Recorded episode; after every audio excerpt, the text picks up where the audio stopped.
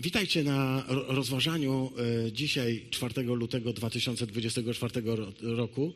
Chciałbym z Wami dzisiaj e, temat, który e, myślę sobie, on musiał się pojawić. Ezechiel. Chwała Pana. Taki jest tytuł. Nie chwała Panu, tylko chwała Pana. Ezechiel, chwała Pana. Chciałbym Was zaprosić do tekstu z, z tego proroka, ale mam też e, taką wiadomość nie do końca oficjalną, więc na razie e, tak e, będę mówił nieoficjalnie.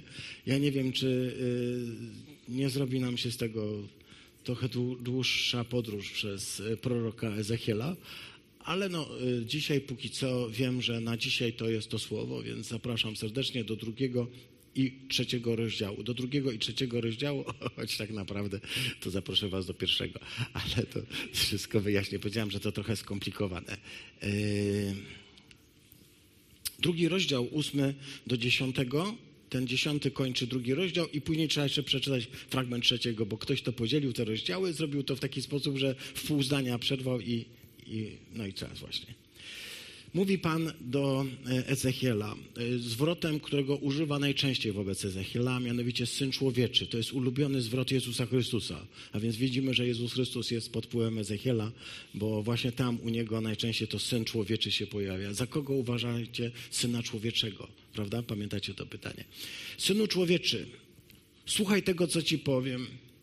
Nie opieraj się jak ten lud zbuntowany. Otwórz usta swoje i zjedz, co Ci podam. Popatrzyłem, a oto wyciągnięta była w moim kierunku ręka, w której był zwój księgi.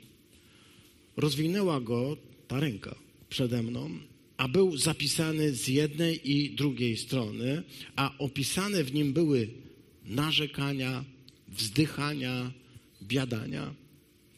I rozkazał mi, synu człowieczy, spożyj to, co masz przed sobą, zjedz ten zwój i idź, przemawiaj do domu Izraela. Otworzyłem więc moje usta, a sprawił, że spożyłem ten zwój. I powiedział mi, synu człowieczy, nasyć się, napełnij twoje wnętrzności tym zwojem, który ci daję.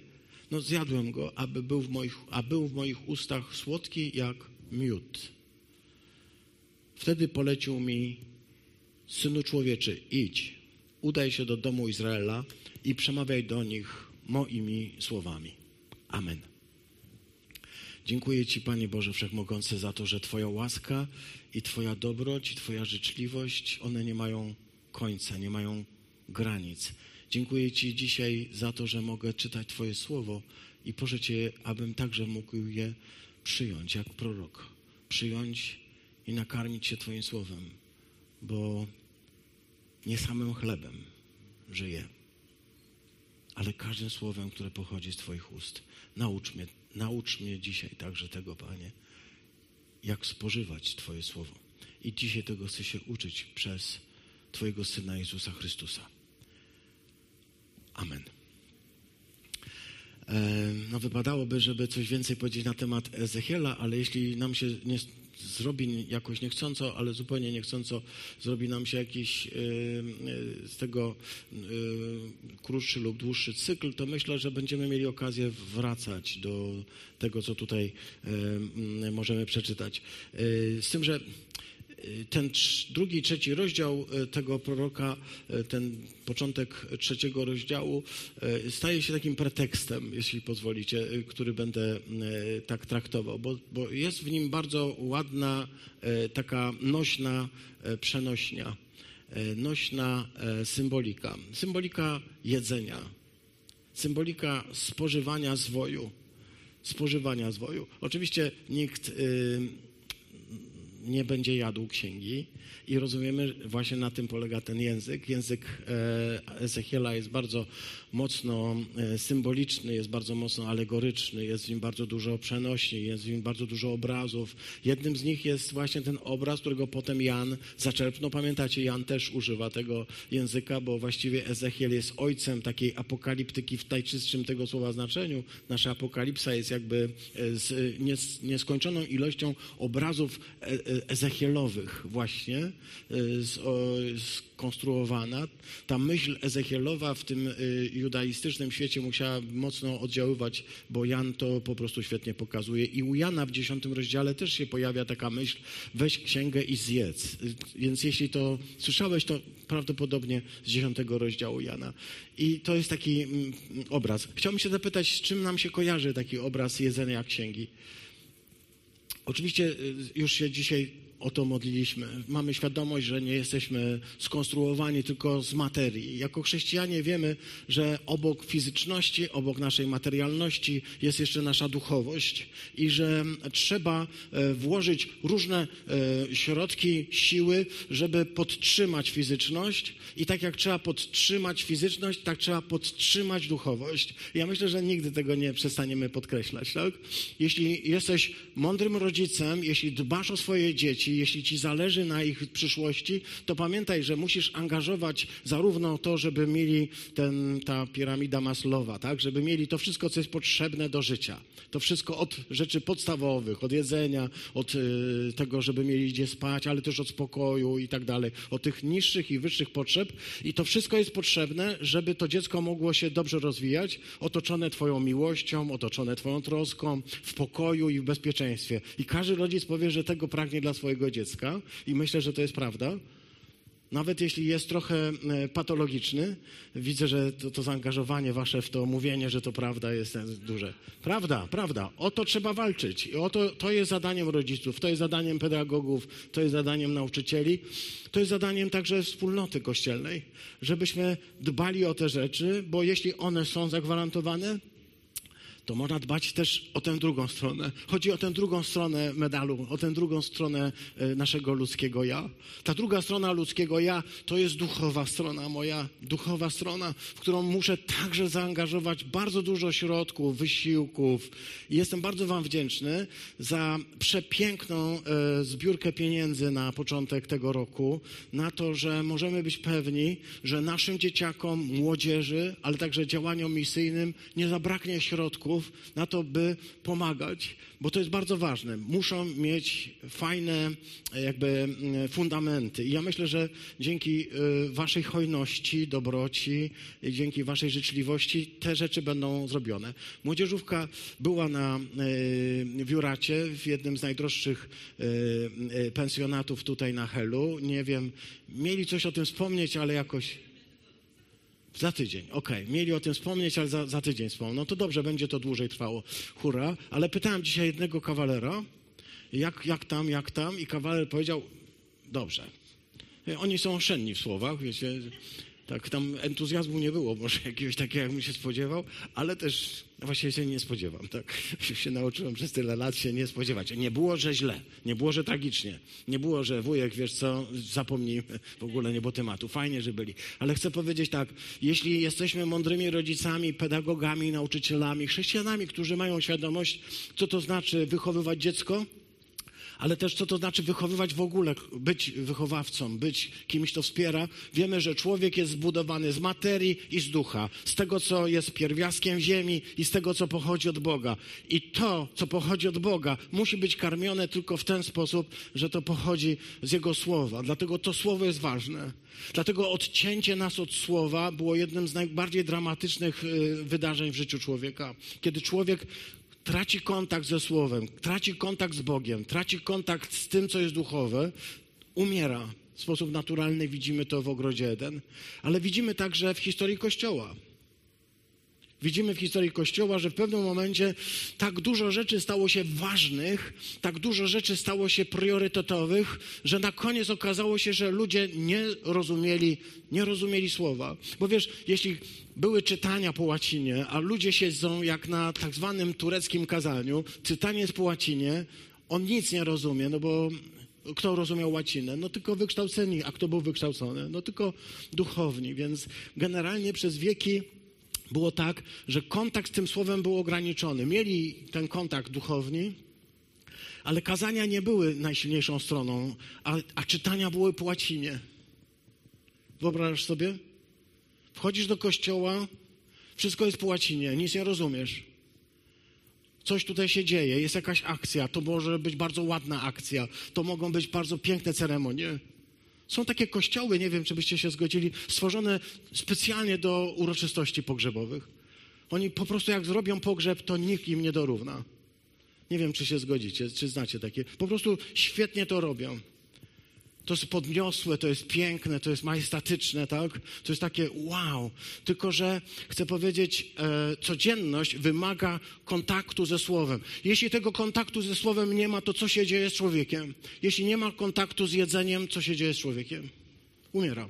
To jest jasne. Jeśli nie masz kontaktu z jedzeniem, jeśli nie są zagwarantowane poczucia bezpieczeństwa, masz jedzenie, ale żyjesz w piwnicy w strachu, w lęku, żyjesz przerażony, co się z tobą dzieje? To dzieją się, takie rzeczy dzieją się w sferze duchowej, jeśli nie masz kontaktu z, ze Słowem. Nie wiem, czy kogoś trzeba przekonywać, wydaje mi się, że nie, ale wiemy, że była potrzebna reformacja, żeby przypomnieć Kościołowi, że Chrystus to żyjące Słowo, ale potrzebujemy do tego Słowa także to nasze Słowo, tę Biblię, która jest e, w naszych e, telefonach dzisiaj w naszych smartfonach, na naszych tabletach, ale może też na naszych półkach. Jeśli o to nie dbasz, jeśli tego nie pielęgnujesz, to na pewno będzie to miało konsekwencje. Bulimia ci nie grozi, bulimia ci nie grozi, raczej chyba anoreksja. Może być taki problem, że po prostu, e, wiesz, wszystko inne będzie ważne wszystko inne będzie najważniejsze niż to, żeby mieć czas na to, żeby się karmić słowem. Dlatego wziąłem ten tekst, aby sobie przypomnieć sobie i wam, siostry bracia, bo nikt z nas nie ma, nie ma tutaj w tej kwestii e, czegoś takiego, co moglibyśmy powiedzieć, e, wszystko jest u nas w porządku. Jeśli chodzi o czytanie słowa, to tutaj nie ma problemu. Zawsze e, jest wszystko w porządku. Tak, bo to czytanie jest też na różnych poziomach. Możemy czytać, możemy dużo czytać, ale jakoś tak, wiesz, nie o samo czytanie chodzi. Właśnie, bo kiedy ten obraz pokazuje nam, że biorę, biorę to słowo, biorę to słowo i Bóg mówi do mnie zjedz. To jest obrazowe, zjedz. Czyli nie chodzi tylko o to, żeby się mu przyjrzeć. Nie chodzi tylko o to, żeby je przeczytać. Nie chodzi o to, żeby się na nie popatrzeć, bo od patrzenia się w piekarni nie najesz chlebem. Żeby się najeść, potrzebujesz je wziąć. Potrzebujesz je, mówią tu uczeni, interioryzować. Potrzebujesz je przyswoić. Potrzebujesz prowadzić je w swój krwiobieg. Potrzebujesz prowadzić je w organizm. Kiedy mm, co tydzień stajemy za stołem i podnosimy ten chleb i ten kielich, ktoś może powiedzieć, wiesz co, co tydzień to za często co tydzień to za często. Ja chcę ci, ci, powiedzieć, słuchaj, nawet codziennie nie byłoby za często, bo tak widzimy wzór w dziejach apostolskich. Codziennie łamali chleb po domach. Codziennie można to robić, codziennie można wspólnie razem łamać ten chleb, bo tu nie chodzi o ceremoniał. Tu nie chodzi o ceremoniał. Siostry bracia, napisałem sobie tak. Bo celem Jezusa Chrystusa nie było założenie nowej religii bo celem Jezusa Chrystusa nie było założenie nowych ceremonii, nie było stworzenie nowych ceremonii. Tu ma ceremonię judaizm, a on przecież powiedział, ja chcę stworzyć nowe ceremonie, bo ceremonie są cool, bo ceremonie są fajne, bo niczego tak nie chcę jak lepszych, piękniejszych ceremonii. Żeby to był jeszcze taki, wiecie, jeszcze po łacinie, jeszcze tam z dodatkami greki i trochę hebrajskiego a jakby coś, to jeszcze dwa słowa mandaryńskiego i trochę chińskiego, żeby to po prostu zabrzmiało tak wow. Czy myślicie, że po to przyszedł? Nie. Celem Jezusa Chrystusa nie było założenie nowej religijności, nowych ceremonii. Jego celem było zbudowanie pomostu, byśmy mogli wrócić do Słowa, byśmy mogli wrócić do relacji z Bogiem, byśmy mogli wejść w kontakt z Ojcem, byśmy mogli wrócić do domu, byśmy mogli zasiąść za stołem i byśmy mogli wreszcie powiedzieć: Jestem w domu, jestem znowu tutaj. A dom to nie ceremonie. Fajne są ceremonie w domu. Ja na przykład bardzo lubię, kiedy jest, y, kiedy jest śniadanie wielkanocne, kiedy siadam sobie z dzieciakami, z, z rodziną, z małżonką szlachetną oczywiście, trzeba to też powiedzieć. Z małżonką szlachetną, z dzieciakami, z ich dzieciakami, z dzieciakami ich dzieciaków i z dzieciakami dzieciaków ich dzieciaków. Kiedy sobie siadamy razem w, w coraz szerszym gronie hura, kiedy sobie siadamy razem na Wielkanoc, lubię to wspólne siedzenie y, i podnoszenie kielicha e, e, lechaim, by powiedzieć za życie, za zmartwychwstałe życie. Lubię wigilijne spotkania przy stole. Ale no, normalne i codzienne y, jest super. To, że można po prostu usiąść i pogadać. To są fantastyczne rzeczy. Chcę powiedzieć, siostry, bracia, on musiał to przyjąć, żeby to, żeby to przyjąć. Ten obraz jedzenia jest doskonały, bo to słowo nie wystarczy czytać, je trzeba przyjąć. Wiesz, kiedy je przyjmujesz, kiedy się nakarmisz, wiesz, co się dzieje z człowiekiem, który się naje? Ha. Jestem w domu. Jak się dobrze najesz, to chciałbyś sobie usiąść wygodnie, wziąć sobie kawusie i tak sobie przy tej kawusi lekko przysypiać. Ktoś tak lubi? Nie. Dziękuję, Mariusz, dziękuję. O jest, dziękuję, dziękuję, dziękuję, dziękuję. Bardzo dobrze, bo ja też tak lubię. Tak sobie po prostu, tak zapaść się w głęboki fotel i tak sobie po prostu odpocząć. Bo kiedy się najesz, to po prostu chcesz odpocząć. Bo kiedy najesz się słowem, to doświadczasz takiego błogiego stanu, że jesteś spokojny. Że jesteś spokojny. Bo to musi wejść w twój krajobek. To musi teraz zacząć tam pracować. Pożywienie, które przyjmujesz, ono tam się zaczyna coś w nim dziać. Nawet nie będę usiłował tego mówić. Dziękuję Grzesiu za wyrozumienie. Nie będę nawet mówił, co się dzieje z pokarmem, który przyjmujemy, ale wiemy, że on jest rozbijany na minerały, pierwiastki, przyswajany w różny sposób i staje się budulcem wszystkich naszych organów. Tak jest ze słowem.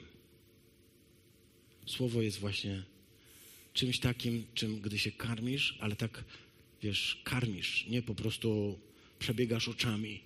Jeszcze raz. Słowo, czytanie słowa to nie jest pobyt w piekarni, gdzie się przyglądasz, jak wyglądają chleby. Tylko jesz. Jesz, trawisz. Dlatego bardzo lubię lekcja divina, taki sposób czytania słowa, który polega na tym, że siedzisz nad krótkim tekstem i, i się w niego wpatrujesz, zaczynasz sobie go wyobrażać, wyobrażasz sobie, co w nim jest i go powolutku rozczytujesz. Zastanawiasz się nad słowami, zastanawiasz się nad obrazami. To jest po prostu coś pięknego. Gdy się nie śpieszysz, gdy nie jesz na szybko. Biblijny fast food przeczytać i pobiec dalej. Myślisz, że to coś dało, nie? Z fast foodami jest zawsze problem. Ezechiel e, ten, ten, tym obrazem chce powiedzieć nam, że e, trzeba wejść w doświadczenie z Bogiem. E, stało się 30 roku, w czwartym miesiącu, piątego dnia miesiąca, gdy przebywałem pośród wygnańców nad rzeką, nad rzeką Kebar że rozwarły się niebiosa i miałem widzenie Boże. Piątego dnia miesiąca, rok był, to był piąty od uprowadzenia do niewoli króla Joakina. Pan przemówił do kapłana Ezechiela, syna Buzji, z ziemi, w ziemi Chaldejczyków nad rzeką Kebar. I spoczęła tam na nim ręka Pana. I spojrzałem, oto gwałtowny wiatr nadciągnął z północy, pojawiła się wielka chmura i błyskawice, a światłość otaczała ją w koło, a w jej środku jaśniał jakby blask pozłacanego srebra pośród ognia. Tak zaczyna się księga Ezechiela. Potężnie, co? Ajaj. No oczywiście yy, wszystko zaczyna się od czego? Jesteście tam? Mamy kontakt? Okay. Wszystko zaczyna się od zdania, które mówi: Stało się 30 roku. Stało się 30 roku w czwartym miesiącu, piątego dnia miesiąca. Wiecie, co to jest? To jest historia. Gdy był piąty rok już y, niewoli za króla Joakina. Historia nad ziemią, nad rzeką Kebar. I mapy. Jerozolima. Tutaj e, prorok Ezechiel przyszedł na świat, pewnie gdzieś w okolicach, był z arystokracji kapłańskiej, jak czytaliśmy. Był wywieziony w pierwszej deportacji do Babilonu, w pierwszej deportacji, a w pierwszej deportacji wywożono głównie właśnie arystokrację i, i te osoby, które uchodziły za najbardziej zagrażające, a więc wywieziono króla, wywieziono dwór. Ezechiel był jednym z tych osób, niezbyt licznych, których pierwszy w pierwszym transporcie na Syberię wywieźli. Y, ta Syberia w tamtych czasach była tutaj, niedaleko, bo to są te okolice, czyli wywieziono ich tak i tak i to nieważne, to jest po prostu y, Babilon. Babilon, tu jest sama y, stolica, tak, a obok są taka miejscowość, zobaczcie jak ona się nazywa. Chciałoby się przeczytać Tel Abib, ale to by w języku e, hebrajskim czyta się, jeśli nie jest podwojone, jako wy, a więc Tel Awiw. Tel Awiw, który dzisiaj jest oczywiście zupełnie w innym miejscu, tak? Bo to jest tutaj Tel Awiw, tam był e, zupełnie w innym miejscu. I niektórzy mówią, że właśnie ze względu na ten, na ten antyczny Tel Awiw, dzisiejszy Tel Awiw tak się nazywa, ale zupełnie to bez sensu, po co wam to takie rzeczy opowiadać. Yy, ważne jest, że tam, gdzie się rodzi cywilizacja, y, jak studentów magluje z mapy, bo wiecie, na początku trzeba po prostu wbić im do głowy, że co? Mapy, mapy, mapy, dobra? To y, jesteśmy tutaj, jesteśmy Ur, Uruk, Nipur. To jest, Nipur jest chyba jedną z najstarszych y, sumeryjskich miejsc, gdzie w ogóle dochodziło do powstania cywilizacji sumeryjskiej. I to właśnie w tym miejscu, między Eufratem a Tygrysem, y, znajdowało się bardzo dużo rozwidleń, bo wiemy, że y, gospodarka sumeryjska, a potem mesopotamska w ogóle, w tym babilońska, będzie polegała generalnie na kopaniu kanałów, na budowaniu sieci irygacyjnej, żeby woda, która e, wlewa, e, gdy są te e, opady większe, ta woda się rozlewa na polach, potem trzeba ją zatrzymać na tych polach przez budowę właśnie tam, ale przez budowę kanałów irygacyjnych. Dzięki temu można potem rozszerzyć areał i powodować, że dwa razy do roku zbierać fantastyczne plony, a więc mamy nadwyżkę, a więc cywilizacja. Koniec na ten temat. Chcę zwrócić Waszą uwagę, że właśnie tu, gdzie się rodzi cywilizacja, pojawia się w miejscowości e, Tel Awiw, pojawia się, e, jest, jest taki kanał, kanał nazywa się Kebar. Kanał to jest to czerwone tu zaznaczone, ponieważ no właśnie budowano te sieci, budowano te sieci. Jedną z takich sieci, ona później wyglądała jak rzeka, no wiecie, kanał, wyglądał później jak rzeka. Nad tym kanałem Kebar ma doświadczenie e, spotkania z wszechmogącym e, e, Ezechiel. I ja chcę powiedzieć jedną rzecz, bo to, co mnie zaskoczyło, kiedy czytałem ten tekst, to, co mnie zaskoczyło, i to, co dalej będę tutaj mógł z wami czytać i o tym myśleć, to jest oczywiście jeden podstawowy fakt. Mianowicie to, że on ujrzał, tak czytaliśmy w pierwszym wierszu, pierwszych trzech wierszach, tak? Czytaliśmy, on ujrzał, pierwszych czterech, on ujrzał chwałę Pana. I gdzie ją ujrzał? Ujrzał ją tu. Ujrzał ją nad rzeką Kebar, w takim y, ichnym Tel Awiwie. Tu ta chwała Pana mu się objawiła. Tu zobaczył obłok, a w nim te wszystkie niesamowitości, które jeszcze przeczytamy, więc będzie okazja do nich wrócić. Ale zwracam Waszą uwagę. Chwała Pana objawiła mu się pośrodku niewoli w Babilonii. Pośrodku niewoli w Babilonii, nad jakąś obcą rzeką, gdzie siedział smutny, bo miał właśnie 30 lat. Tam jest napisane. To jest tak. Miał 30 lat od tego momentu byłby w świątyni kapłanem, który będzie składał ofiary, a zamiast być w świątyni w Jerozolimie, siedział w niewoli w Tel Awiwie i tam, w tej niewoli, był człowiekiem, który obchodził swoją 30. E, rocznicę urodzin i myślał sobie, gdybym był teraz w świątyni, mógłbym składać ofiary. Byłem do tego przygotowywany. Moi ojcowie składali ofiary, dziadkowie składali ofiary, wszyscy aż do Arona, bo on był z tej linii. Wszyscy składali ofiary, a zamiast tego ja tu siedzę nad tą rzeką, gdzieś daleko, smętnie w jakimś Babilonie i co ja mam zrobić? Ja nie mogę składać ofiar. Smętny, zrozpaczony, e, być może w depresji. Zaczął zastanawiać się nad tym i co się okazało? Chwała Boża objawiła mu się w Babilonii. Jakbyśmy sobie to czytali dalej, to byśmy zobaczyli, że chwały Bożej nie było już w Jerozolimie. To bardzo ważne. Była tutaj,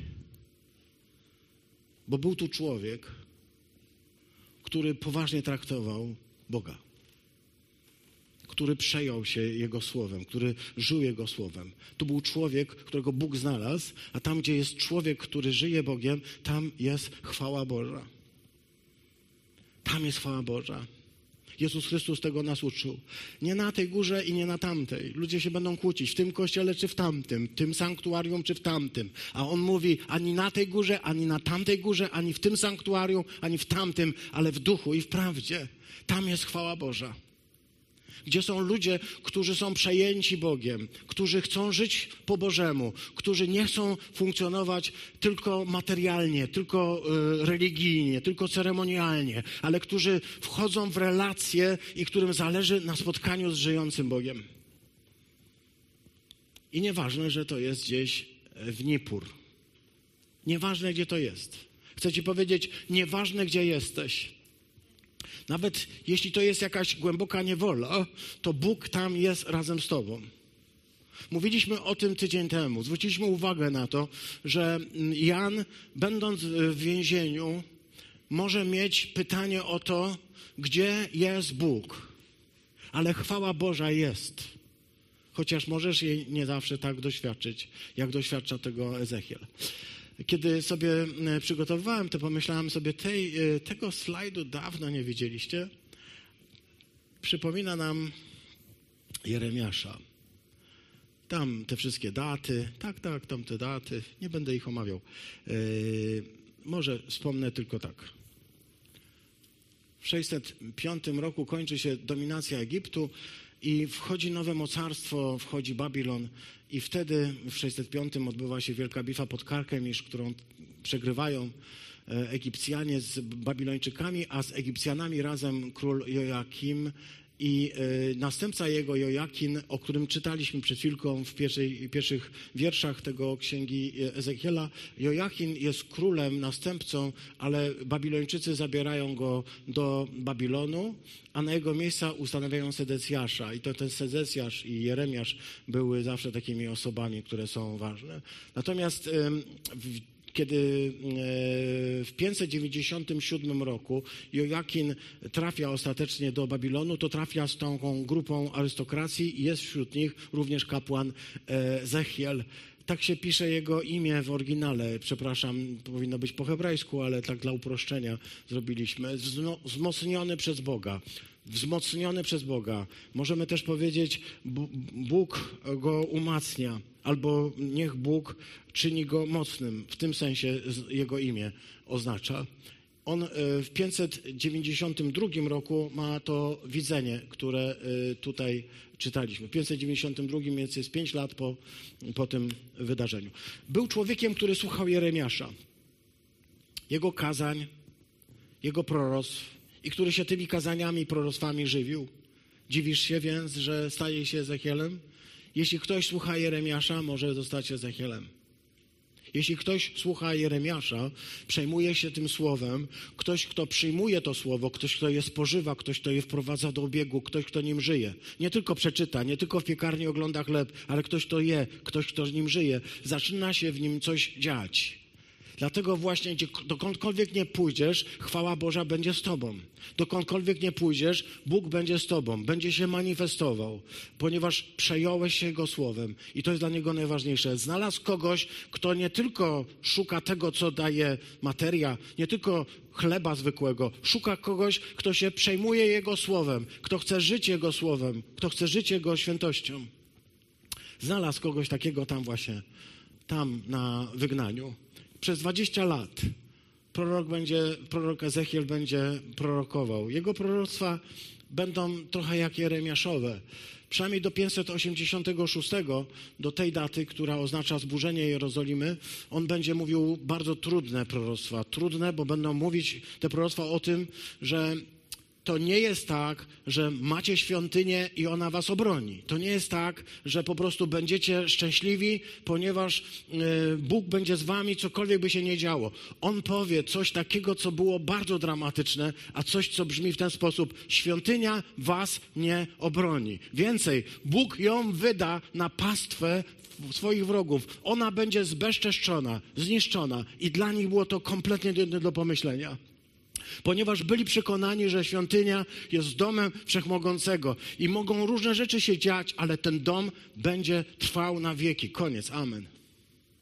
A tymczasem przychodzi Ezechiel, mówi, że wasza największa świętość będzie zburzona, żeby was wreszcie potrząsnąć, bo nic innego wami nie potrząsnęło. Bo ciągle mówiłem, mówiłem i nic się nie przejęliście. Więc odbiorę wam to, co dla was jest najświętsze. Odbiorę wam świątynię. Pamiętacie, u Jeremiasza jest taki tekst. On jest bardzo prosty. Świątynia pańska, świątynia pańska, świątynia pańska. Koniec. Myślicie, że jak będziecie tak zaklinać rzeczywistość, mówi Jeremiasz, to coś się zmieni? Nic się nie zmieni.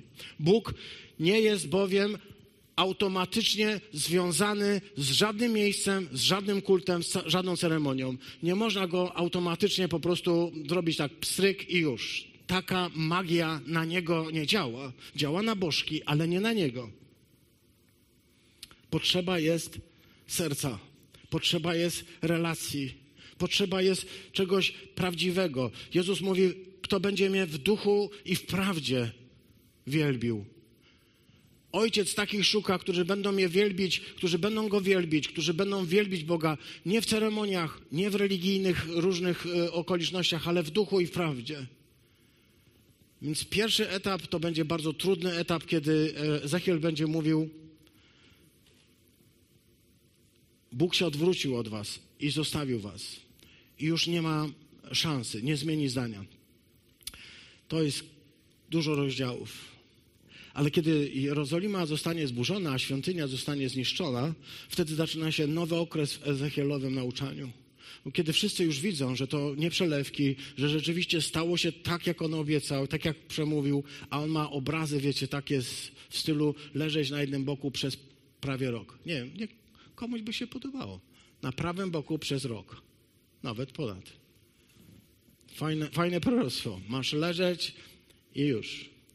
Masz się bawić żołnierzykami przy ludziach. Masz się bawić żołnierzykami przy ludziach, masz robić fortece, budować i tam wszystko jest u Ezechiela to bardzo piękne. Ale kiedy wreszcie to się wszystko wydarzyło, to wiecie, co robi prorok? Zaczyna pokazywać ludziom nową drogę. Coś starego, co było, musiało się zawalić, ponieważ przywiązaliście serce i myśleliście, że Bóg jest przywiązany do, tego, do tej świątyni i że ona, jakby wystarczy praktykować ceremonię, wystarczy tam chodzić, wystarczy to robić i będzie wszystko w porządku. Otóż nie to teraz możemy zacząć budować od początku. I to jest prorok, który pokazuje, że Izrael musi zacząć budować od początku swoje relacje, nie oparte na ceremoniach, na różnych innych okolicznościach, ale na wejściu w nowe serce, na wejściu w nową rzeczywistość. I o tym będzie, tak jak Jeremiasz, Ezechiel mówił, obaj będą mocno to podkreślać. Oto idą dni, kiedy nowe przymierze zawrę z domem Izraela kiedy dam im nowe serca, kiedy odbiorę im ich kamienne serca i rozkruszę w drobny proch i w mak rozsypię, a dam wam nowe serca i to będą serca mięsiste, czujące, prawdziwe. Dlatego druga część jego e, księgi będzie taka zupełnie inna. Będzie mówił o nowej świątyni. Są ludzie, którzy myślą, że może to oznaczać odbudowę nowej świątyni, ale niekoniecznie. No i to, co nam się u Ezechiela chyba najbardziej podoba, nie? Kiedy czytaliśmy o tym obłoku, ten obłok wyraźnie y, jakiś podświetlony z czystym srebrem, tak jak czytaliśmy, pozłacane srebro pośrodku ognia, ten obłok, pozłacane srebro pośrodku ognia, a w jego wnętrzu, we wnętrzu tego obłoku, który jest zawsze symbolem obecności Bożej. Pamiętacie? Pamiętacie e, przejście przez e, pustynię, przejście przez Morze Czerwone, przejście przez pustynię. Pamiętacie Jezusa Chrystusa, który wstępuje i kiedy go obłok zakrywa. Ta, ten obłok jest Bożą obecnością. To, to Boża szekina, jak mówi, jak mówi Talmud. Biblia tego nie mówi, ale my będziemy używać tego terminu. To jest ta Boża obecność. Boża obecność, która oznacza Jego samego, tak? który nie jest związany z żadnym miejscem, który mieszka y, powyżej i tutaj y, powyżej y, świątyni i tutaj czytamy, że we wnętrzu tego obłoku, no tam zaczyna się pięknie. We wnętrzu były właśnie owe cztery istoty. Hajot, żywe. Cztery żywe istoty. Miały wygląd jak postać ludzką, miały cztery oblicza, cztery skrzydła, nogi proste, stopy wyglądały jak stopy nóg cielca, lśniły połyskiem wypolerowanego brązu. Pod skrzydłami u czterech boków miały ręce ludzkie, wszystkie cztery miały oblicza i skrzydła. Ich skrzydła były połączone z sobą, idąc nie odwracały się, a każda posuwała się prosto przed siebie. Wygląd ich oblicza, z prawej strony wszystkie cztery miały oblicze człowieka, oblicze lwa, z lewej strony wszystkie cztery miały oblicze wołu, oblicze orła, a każda posuwała się prosto przed siebie, szły tam, dokąd duch zmierzał, zamierzał, a yy, idąc nie odwracały się. Między istotami żywymi było coś, co wyglądało jak węgle ogniem rozżarzone na podobieństwo pochodni. Krążyło ono między istotami żywymi. Ogień świecił, a z ognia wychodziły błyski. Istoty, istoty żywe biegały tam i z powrotem, jak błyskawice. Na chwilkę się zatrzymam. Biegały tam i z powrotem. To mi się przypomina tych, cztery, tych, tych dwunastu starców. Wstają, rzucają korony, kładą y, przed Bogiem, y, klękają, padają na twarz, znowu wstają. Biblia y, pokazuje nam obraz nieba, w którym coś się dzieje. Jest gimnastyka. Gimnastyka. Wstaję, padam, wstaję, padam. Tutaj czytamy o tych czterech istotach. Hajot, cztery żyjące istoty. Jakbyśmy na nie mówili hajot, to będzie zawsze prościej. Ale dobra, cztery istotne, istoty żyjące, które biegały tam i z powrotem jak błyskawice. Tam i z powrotem, tam i z powrotem. Po prostu. Ale jak one biegały, skoro wszystkie razem i w ogóle, nie? To jest po prostu... Mówiłem, że ten człowiek doświadczył czegoś wyjątkowego, ale też wyobraźnię miał wyjątkową. Spojrzałem na istoty żywe, a oto na ziemi obok każdej z czterech istot żywych znajdowało się jedno koło. Nad głowami istot żywych było coś na kształt sklepienia, jak blask kryształu rozpostartego w górze nad ich głowami, a pod sklepieniem rozpościerały się skrzydła proste. Zwróćcie uwagę na to, co jest charakterystyczne dla apokalipsy. E, tu ciągle czytamy, że oni mieli coś tak jakby, jakby coś, jakby coś. Bo zobaczcie, szum ich skrzydeł był jak szum wielu wód, jak głos wszechmogącego, był jak głos wrzawy, jak rozgwar obozowiska, gdy się poruszyły, jak y, gdy się zatrzymywały, opuszczały swoje skrzydła i dał się słyszeć głos z nad sklepienia, które było nad ich głowami. Ponad sklepieniem, które było nad ich głowami, ukazało się coś, co wyglądało jak kamień szafiru. Czyli jaki kolor? Zielony. A podobne było do tronu. A nad nim zaś w górze było coś, co miało jakby zarys postaci człowieka, zarys postaci ludzkiej. Wiemy już, że jak tak się e, czyta ten tekst, to jesteśmy trochę w apokalipsie z powrotem, trochę w apokalipsie i trochę w galerii, trochę w wyobraźni, trochę się dzieje, to wszystko pozłacane y, ze srebrem, świecące ognie, żarzące, szum, po prostu, wiesz, najbardziej zaskakujące, tak jakbyś zobaczył obłok, który jest mocno podświetlany słońcem i jest burzowy, w którym ciągle coś grzmi, i ciągle coś błyska, tam nieustannie błyska, tak? A on wchodzi w ten obłok i widzi, że to nie jest po prostu zwyczajna rzecz. I widziałem, jak gdyby pozłacane, e, po, e, blask pozłacanego srebra, jak widok ognia wewnątrz niego wokoło. Od podobieństwa jego bioder wzwyż i w podobieństwa jego bioder w dół ujrzałem coś, co wyglądało jak ogień. Światłość otaczała go w koło. Jak widok tęczy, która pojawia się na chmurze w dzień deszczowy. Tak wyglądała światłość wokoło. Takie było widzenie, takie było widzenie podobieństwa chwały Pana. Widzenie podobieństwa. Tak, czyli to widać, że to jest ciągle próba opisania czegoś y, ludzkim językiem. A gdy ją ujrzałem, tę chwałę Pana, padłem na twarz, a wówczas usłyszałem głos mówiącego. Tak wygląda spotkanie Ezechiela z Bogiem. Wow. Jest jedno słowo, które mi się y, jakby kojarzy z tym wszystkim. Y, użyję go, y, bo jest bardzo ładne. Spektakularne. To było spektakularne po prostu coś wyjątkowego. Może nam się wydawać y, nie do opisania wręcz to, co próbuje Ezechiel pokazać. On chce nam powiedzieć jedną rzecz, to co nam później pokaże też Jan w swojej Ewangelii, że niebo nie jest nudne i że nie jest jakąś taką bielą czystą, w której możemy czuć, że wszystko jest po prostu, wiesz, obłoczki, tam ktoś siedzi. Tam się dzieje. Tam są fantastyczne rzeczy.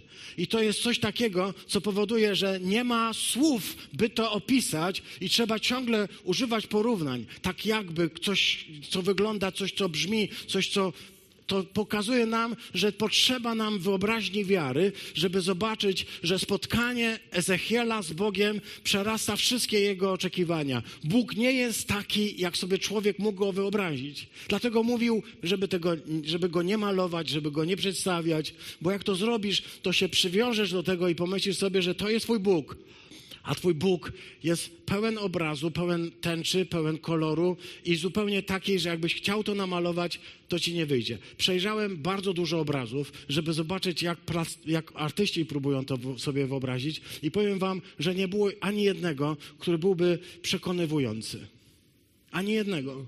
Nie da się tego odrysować, odmalować, bo to wszystko jest jakby. Jak to znowu zrobisz taki konkretny ogień, konkretne złoto, konkretne srebro, konkretny szafir, konkretna tęcza, to ci wyjdzie po prostu e, galimatias, takie po prostu, wiesz, to jest coś piękniejszego.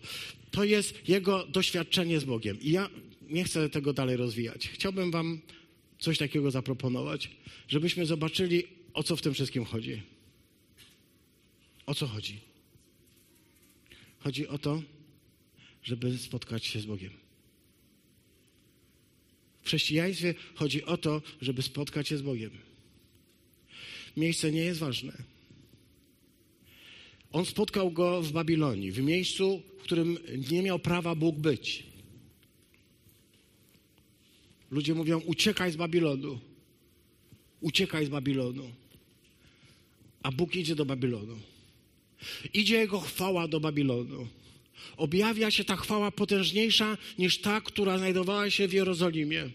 Żaden z proroków nie widział tego, co widział Ezechiel. Nawet Izajasz, kiedy czytamy jego opis w szóstym rozdziale, nie jest tak potężny, jak ten, który tutaj czytamy, a ten, który tu czytamy, znajduje się w Babilonie, w miejscu, w którym nie powinien przebywać żaden człowiek wierzący, tak? To jest niesamowite. Bóg jest z nami tam, dokąd nas poślą również coś, co nazywamy okolicznościami. Znalazłeś się w różnych okolicznościach, nie wszystko jest Twoim wyborem. Znalazłeś się w różnych miejscach, ale Bóg jest z Tobą, jeśli przejmiesz się Jego słowem, jeśli zaczynasz słuchać proroka, jeśli usłyszysz głos Jeremiasza, który mówi, że wejść w relację z Bogiem jest czymś więcej niż praktykować wszystkie najpiękniejsze ceremonie tego świata, ceremonie religijne, bo one nie dają życia. One są ładne, ale nie dają życia. Daje życie wejście w relację z Bogiem, takie jak wszedł Ezechiel, kiedy mógł doświadczyć Boga. Wiem, że nikt z nas nigdy nie doświadczył czegoś takiego, chyba że doświadczył i nigdy tego nie opowiedział. Nie, myślę, że nie. Nikt z nas nie doświadczył czegoś takiego, ponieważ każdy z nas inaczej doświadcza swojego spotkania z Bogiem. Każdy z nas inaczej. I żadne z tych doświadczeń nie jest lepsze, nie jest gorsze. A ja bym wolał, żeby to było tak jak u Ezechiela. Lubię takie rzeczy, jak się dzieją. Kino akcji, dramatyczne, trochę science fiction, trochę pachnie Marvelem. Wiecie, coś tam się dzieje, nie? Każdy z nas doświadcza Pana Boga inaczej. Ezechiel go tak doświadczył, Piotr inaczej go spotkał. Inaczej go spotkał Jan, Jakub, inaczej go spotkał Paweł, inaczej go spotkał Andrzej, jeszcze inaczej go spotkał Mateusz, jeszcze inaczej Ezechiel, jeszcze inaczej Jeremiasz, jeszcze inaczej Daniel, jeszcze inaczej Izajasz. Każdy z nich inaczej spotkał, ale to spotkanie zmieniło ich życie. I to jest esencja. I nieważne, gdzie jesteś, ta chwała Boża, która nie spoczywa tam, gdzie się wszyscy spodziewali, że powinna spoczywać, jest pośrodku Babilonu obecna, zaskakująco. Odeszła z Jerozolimy, żeby być pośrodku Babilonu. Czemu odeszła z Jerozolimy, żeby być pośrodku Babilonu? Bo w Babilonie są ludzie, którzy są przejęci Słowem, bo są ludzie, którzy chcą żyć z Bogiem. Bo są ludzie, którzy rozumieją, że chrześcijaństwo to nie moralizatorstwo, to nie jakieś udawanie, że musisz mieć doświadczenie spotkania z Bogiem, a to doświadczenie spotkania z Bogiem prowadzi cię do doświadczenia własnej grzeszności, do poczucia tego, że jesteś ma małym człowieczkiem, który narozrabiał, do tego, że jesteś po prostu do niczego. Jesteś do wyrzucenia. Chcę się zapytać, czy miałeś takie doświadczenie? Ja ci, ja pytam, bo ja miałem. Ja wiem, co to znaczy, kiedy Bóg mi pokaże, kim jestem. W obliczu Jego świętości nie jestem nawet robakiem. Nawet bym się nie chciał odezwać. W obliczu Jego świętości, Jego chwały, to nie jest tak, że staję sobie i myślę sobie, mam kilka rzeczy do zapytania. Nie? W obliczu Jego świętości i chwały mam poczucie, że jestem po prostu prochem. A doświadczenie własnej grzeszności, kiedy on pokazuje, jaki on jest święty, przejmuje tak bardzo, że mogę go słuchać tylko leżąc plackiem, leżąc na kolanach. Rozumiem, czemu Ezechiel przez siedem dni nic nie mógł zrobić. Poszedł gdzieś i nie mógł wypowiedzieć słowa przez siedem dni bo tak bardzo doświadczył Jego chwały i świętości, ale też swojego ograniczenia, swojej słabości. I to, myślę, jest chrześcijaństwo. Nie wiem, czy byście się zgodzili. To jest właśnie chrześcijaństwo, kiedy doświadczamy Bożej świętości, kiedy doświadczamy własnej grzeszności i kiedy doświadczamy tego, że On mówi i, i okazuje nam łaskę i mówi weź to słowo i jedz. Zapraszam Cię, żebyś mógł dalej żyć, żebyś mógł dalej mówić, żebyś mógł dalej być tym, do kogo posyłam. Weź to słowo i jedz. To jest Ezechiel. Nie wiem, czy Wam się podoba ten prorok. Ale ostatnio o nim trochę rozmawialiśmy i wydawało nam się, że mogliśmy zrobić złe wrażenie o tym proroku, że tak trudny jest. A tymczasem swojski chłop tylko z dużą wyobraźnią wiary. Zapraszam do czytania Ezechiela. A co z tego będzie, zobaczymy. Niech Bóg Wam błogosławi. Dziękuję za to, że mogliśmy razem wysłuchać Jego słowa. Amen.